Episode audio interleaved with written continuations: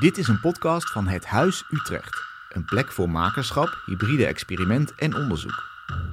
Het Huis koestert de verschillende perspectieven die makers met zich meebrengen en ondersteunt artistieke communities.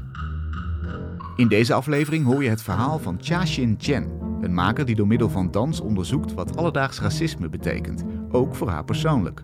Zij was deel van een groep makers die geselecteerd waren voor een residentiemaand omtrent het thema Verbeelding voor de toekomst vanuit ongehoorde perspectieven. Wat Chia-Shin precies heeft gemaakt, ervaren en hoe ze daarop terugblikt, hoor je in deze aflevering.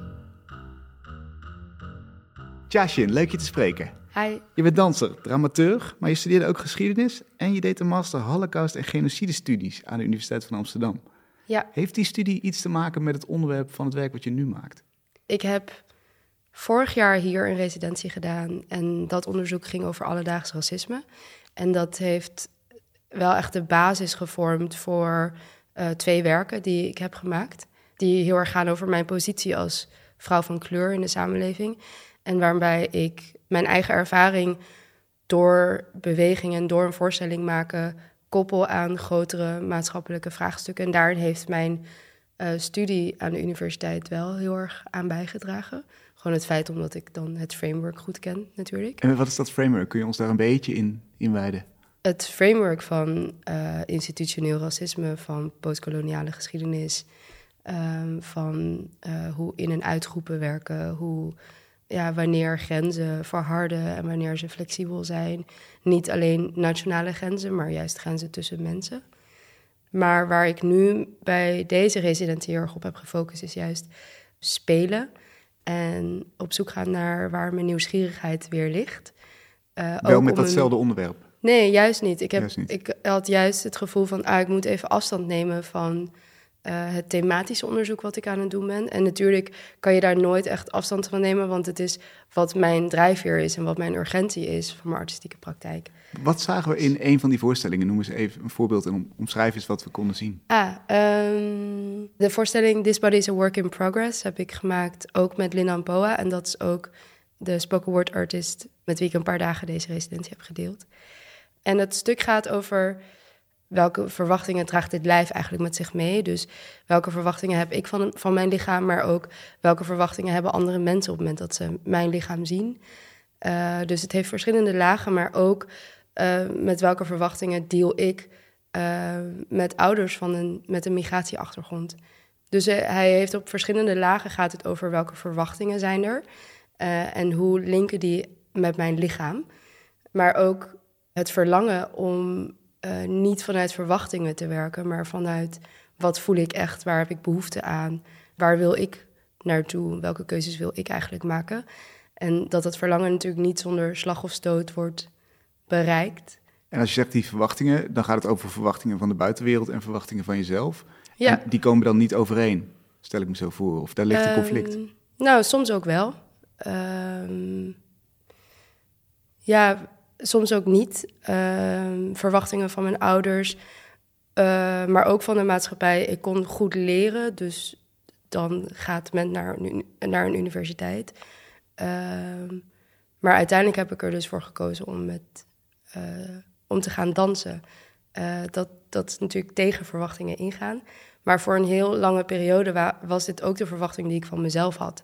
Dus wanneer is iets geïnternaliseerd natuurlijk en wanneer Hmm, niet? Dat ja. is ook een vraag. En dan door het in dans te gieten, kom je uit bij wat je lichaam wil, wat je zelf wil. Ja, ja, in de voorstelling gaat het om de zoektocht.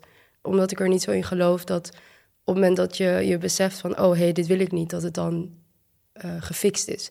Zeg maar, dat het, dat het een proces is en dat het een zoektocht is. En dat het ook iedere keer weer anders voelt. Eh, dus een deel van de voorstelling is ook improvisatie. Ehm, en de opdracht naar mezelf is dan echt om aan mezelf te vragen tijdens die improvisatie: kan je op dit moment voelen waar je bent? Kan je echt authentiek openstaan voor je eigen gevoel? Eh, en kan je dan voelen van waar heeft mijn lijf op dit moment behoefte aan? En dat is met iedere voorstelling is dat dan dus weer anders. Zodat het echt een zoektocht blijft, want daar gaat het om. Dat was allemaal residentie 1 en een van de voorstellingen die daaruit Ja, voortkwam. klopt. Ja. Met welke intentie ben je residentie 2 begonnen? Dat was in februari 2022. ja, klopt. En nu dan dus april 2023. Mhm. Ehm, ja, ik merkte na twee voorstellingen maken en uh, meer dan een jaar bezig zijn met dit onderzoek, dat ik echt even afstand nodig had voor mezelf. Ook om me ook te kunnen focussen op wat ik als maker nodig heb. Even ruimte voor mezelf. En ik had een heel mooi gesprek met Milona hierover. Dat het ook gaat over welke selfcare heb je nodig. En hoe kan je een context voor jezelf creëren waarbij je dit werk ook vol kan houden of kan blijven doen. Omdat het natuurlijk niet een onderwerp is wat ik gewoon in de studio kan laten. Ja. Het is als ik naar de Albert Heijn ga, dan, uh, dan heb ik ermee te maken. Of als ik op Instagram scroll of et cetera. Dus het is natuurlijk ook een onderwerp wat uh, de hele tijd gewoon bestaat in mijn leven. Wat, wat ook logisch is. Daarom is het ook iets wat ik wil onderzoeken. Mm. Um, dus het gaat in die zin ook over hoe kan ik voor mezelf een context creëren. Of hoe kan ik voor mezelf een ritme creëren waarin, dit, waarin ik dit kan. En onderdeel daarvan is ook om mezelf te focussen op mijn maakpraktijk aan zich. Over uh, het ontwikkelen van mezelf als danser, uh, maar ook te ontdekken van waar ligt mijn nieuwsgierigheid als maker. Uh, om ook weer terug te gaan in het spelen en het ontdekken. En ook daarom wel het geloof en het vertrouwen dat ik dan weer terugkom in, uh, in de thematiek waar ik de urgentie in voel. En Milone, de naam viel al even. Wie is deze wijze vrouw? Uh, Milone is uh, artistiek coördinator van het huis. Daar heb je veel aan gehad? Ja, heel veel. Ja. Om de manier waarop zij in het veld staat, waarbij het echt gaat om onderzoek doen. En dat het haar niet gaat om het resultaat of het product. En dat alleen al vind ik, vind ik heel bijzonder en heel fijn. Maar ook dat ze haar ervaringen als vrouw van kleur, dat ze van daaruit ook met mij de dialoog aan kan gaan over mijn zoektocht daarin. En ja, het is heel fijn om met iemand te kunnen praten die, die op een andere plek is dan waar ik ben. In maakpraktijk en uh, in het cultureel veld. En om deze ervaringen te kunnen uitwisselen met haar is heel fijn en heel waardevol. Hoe zag dat eruit hier, die residentie? Hoe, hoe vind je dat plezier in zo'n onderwerp? Ja, dat was, dat was een, een hele grote vraag ook. Uh, en ik had ook uh, Linan Poa gevraagd. Dat is dus de spoken word artist... met wie ik ook voor This Body a Work in Progress heb gewerkt. Um, om samen met mij deze residentie te delen. Uh, omdat we over heel veel thema's hetzelfde denken... of in elk geval in dezelfde hoek zitten... qua wat we belangrijk vinden en, en hoe we naar de wereld kijken. En ook omdat zij in haar eigen makerschap ongeveer op hetzelfde punt is als ik. En dat we dezelfde soort vragen hebben over ja, hoe werkt dit hele makerschap gebeuren? En uh, wat voor makers willen we ook zijn? Of wat voor makers do we get to be ook? Um, en wat deden jullie concreet? Spelen, veel spelen. Hoe ziet dat eruit? Um, een voorbeeld is dat Lin An zich op een gegeven moment afvroeg hoe beweegt een sinaasappel. En daar moest ik heel hard om lachen. En toen zei ik, nou, dat, volgens mij is dat het thema of de prompt voor de volgende dag. Uh, en toen kwamen we aan in de studio en hebben we lekker opgewarmd. Uh, we begonnen met een schrijfopdracht. Mijn leven als sinaasappel. En daar kregen we dan, volgens mij hebben we acht minuten gezegd en zes regels of zo, zoiets. Het dwong ons ook om die kritische stem geen ruimte te geven. Eigenlijk gewoon, je, je moet wel ja zeggen tegen jezelf. Als je binnen acht minuten een stukje wil hebben van, Ja. van zes regels. Ik dacht, dit is totale bullshit. Maar het geeft niet, want we zijn gewoon aan het spelen. Mhm. En vervolgens ehm, hadden we dezelfde opdracht eigenlijk, maar dan in beweging. Dus om te kijken van, ja, hoe beweegt een Ja, sinaasappel ja, wat ik eigenlijk? net vragen. En- Hoe beweegt een sinaasappel? Ja, eh,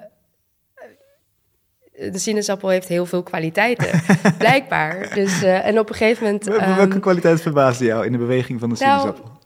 eh, de prompt was natuurlijk mijn leven als een sinaasappel. Dus ik be- begon rond en ik lag lekker, ik was lekker aan het rondtollen in mijn fruitmand. Eh, en op een gegeven moment werd ik opgepikt door, een, door iemand die me wilde eten, gepeld. En toen dacht ik, ah, ik, ik vind dit helemaal niet leuk. Ik neem mijn eigen agency als sinaasappel in mijn eigen leven. En ik ga vanaf nu vierkant bewegen. Eh, gewoon om een tegengeluid te geven. Hmm. Nou ja, goed, dat was mijn stuk. Ja. En dat was fantastisch. Het was heel leuk, omdat het heel veel opende.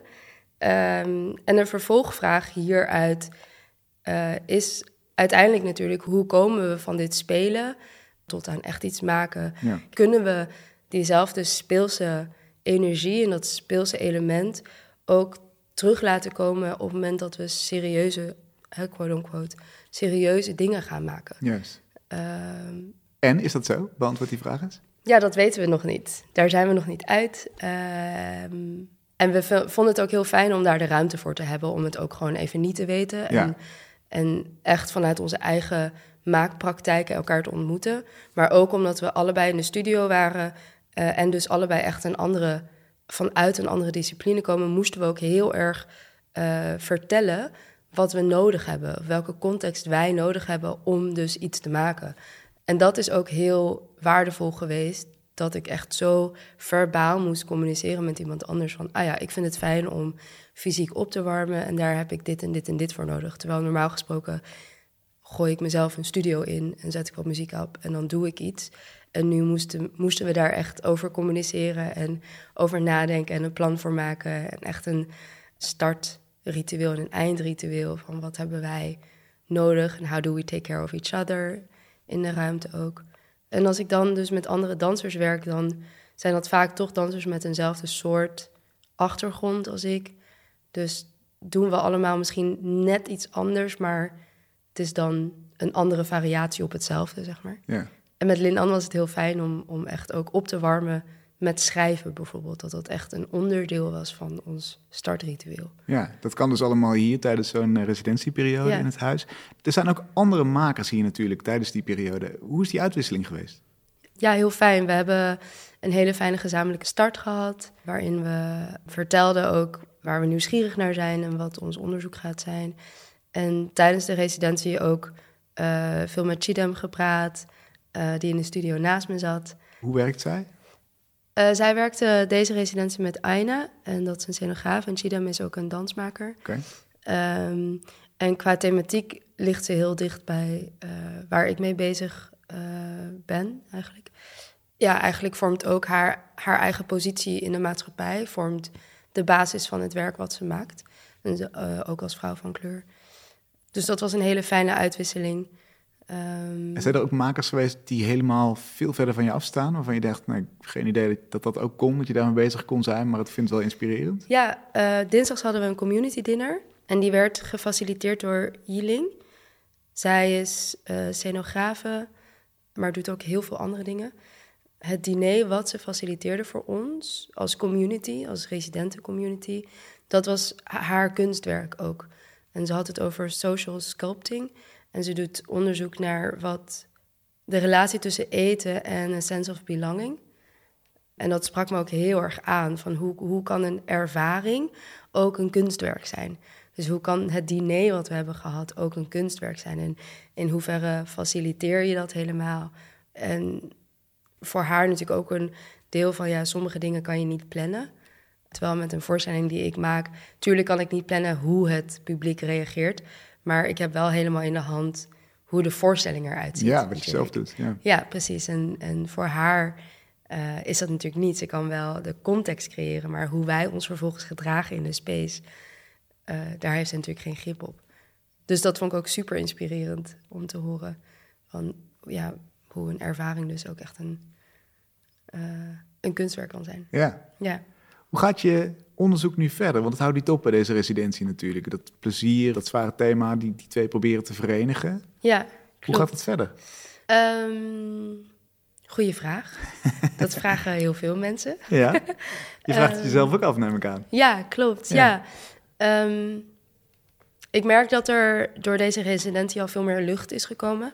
En dat ik ook zin heb om na te denken over hoe nu verder. Ik heb een beetje onderzoeksgeld gekregen eh, om te kijken hoe ik de subtiliteit van alledaags racisme performatief kan maken zonder het plat te slaan. Ehm, en ik merkte dus voordat ik aan deze residentie begon dat ik daar dus even geen ruimte voor heb. En ik voel dat het me nu al beter lukt om daarover na te denken. Van hoe kan ik dat in de tijd zetten en waar zou ik dat willen doen. Ehm, maar Milone die zei ook weer van het is niet erg om in een ruimte, om in een space te zijn waar je het niet weet. Want ook dat is al in een space zijn. Eh, dus je hoeft niet heel hard op zoek te gaan naar een space, because you're already in a space. En die space die is hier tijdens de residentie, maar die neem je natuurlijk ook met je mee. Ja, precies. Straks weer als je, als je naar buiten gaat en er verder mee gaat. Ja, klopt. Ja, Heel veel succes. Ik hoop dat je hem kan behouden en dat je het verder kunt zetten. ja, ik hoop het ook. Dankjewel. Dankjewel. Jia Chen was in residentie bij het Huis Utrecht. Volg het huis in je favoriete podcast-app en blijf op de hoogte van nieuwe makers. Of kijk voor meer informatie over de werkplaats op hethuisutrecht.nl.